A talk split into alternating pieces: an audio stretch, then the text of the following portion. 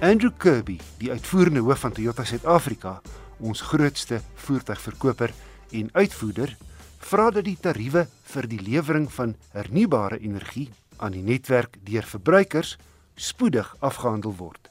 Dit kom na 'n vergadering tussen Toyota en die minister van elektrisiteit, Khosi Etjo Ramagopa, by die vervaardiger se aanleg in Durban. Dit was die laaste in 'n reeks vergaderings wat die minister met voertuigvervaardigers gehou het oor die impak van beerdkrag. Hoewel voertuigaanlegte van beerdkrag uitgesluit is, word die vervaardigers van onderdele erg geraak. Toyota Suid-Afrika wek reeds 10 megawatt met sonpanele by sy aanleg op en wil die oortollige elektrisiteit aan die netwerk lewer. Dries Liebenberg berig.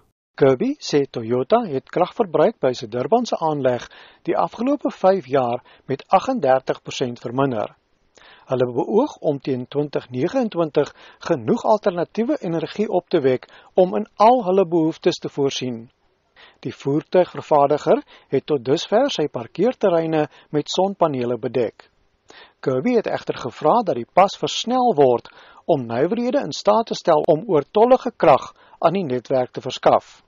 Hy het ook 'n tariefstruktuur bepleit wat erkenning verleen aan die netwerkkapasiteit wat 'n verbruiker beskikbaar stel, in Engels bekend as wheeling. We've made offers also to National Provincial and eThekwini Can we find a way of forming a public-private partnership where we can support the maintenance of the infrastructure in our areas? Because we know capacity is, is an issue. So I think we need to think creatively about it and how do we collaborate together to find solutions not just for our industry but of course for the whole country.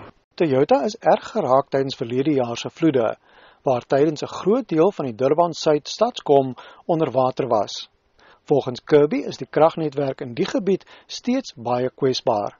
Hy sê Toyota loop deur weens wisselings in die kragtoevoer en beurtkrag wat die werk van verskaffers van onderdele tot stilstand dwing. We've lost 3.500 vehicles since January this year and we've had to scrap 151 vehicles because the supply disruption came at a particular part in the process where the vehicles were damaged. So we're not only concerned about load shedding, but the quality of supply. Ramagopa se vergadering met Toyota was die laaste in 'n reeks ontmoetings met groot voertuigvervaardigers in die land. Ramagopa sê die regering sal nou kyk watter maatreëls getref kan word om die bedryf by te staan. This is the last visit we have done. We'll do a consolidate a picture of the industry and see how we're going to make interventions to help them in the efforts that they are already making to shield themselves against the load shedding. Die verligting van beurtkrag wat na die vloede aan die Durbanse metro toegestaan is, word op 25 Mei beëindig. Dit beteken dat Durban tydens fase 6 beurtkrag tot 8 uur per dag sonder krag kan wees, pleks van die huidige 4 uur. Ek is Dries Liebenberg in Durban.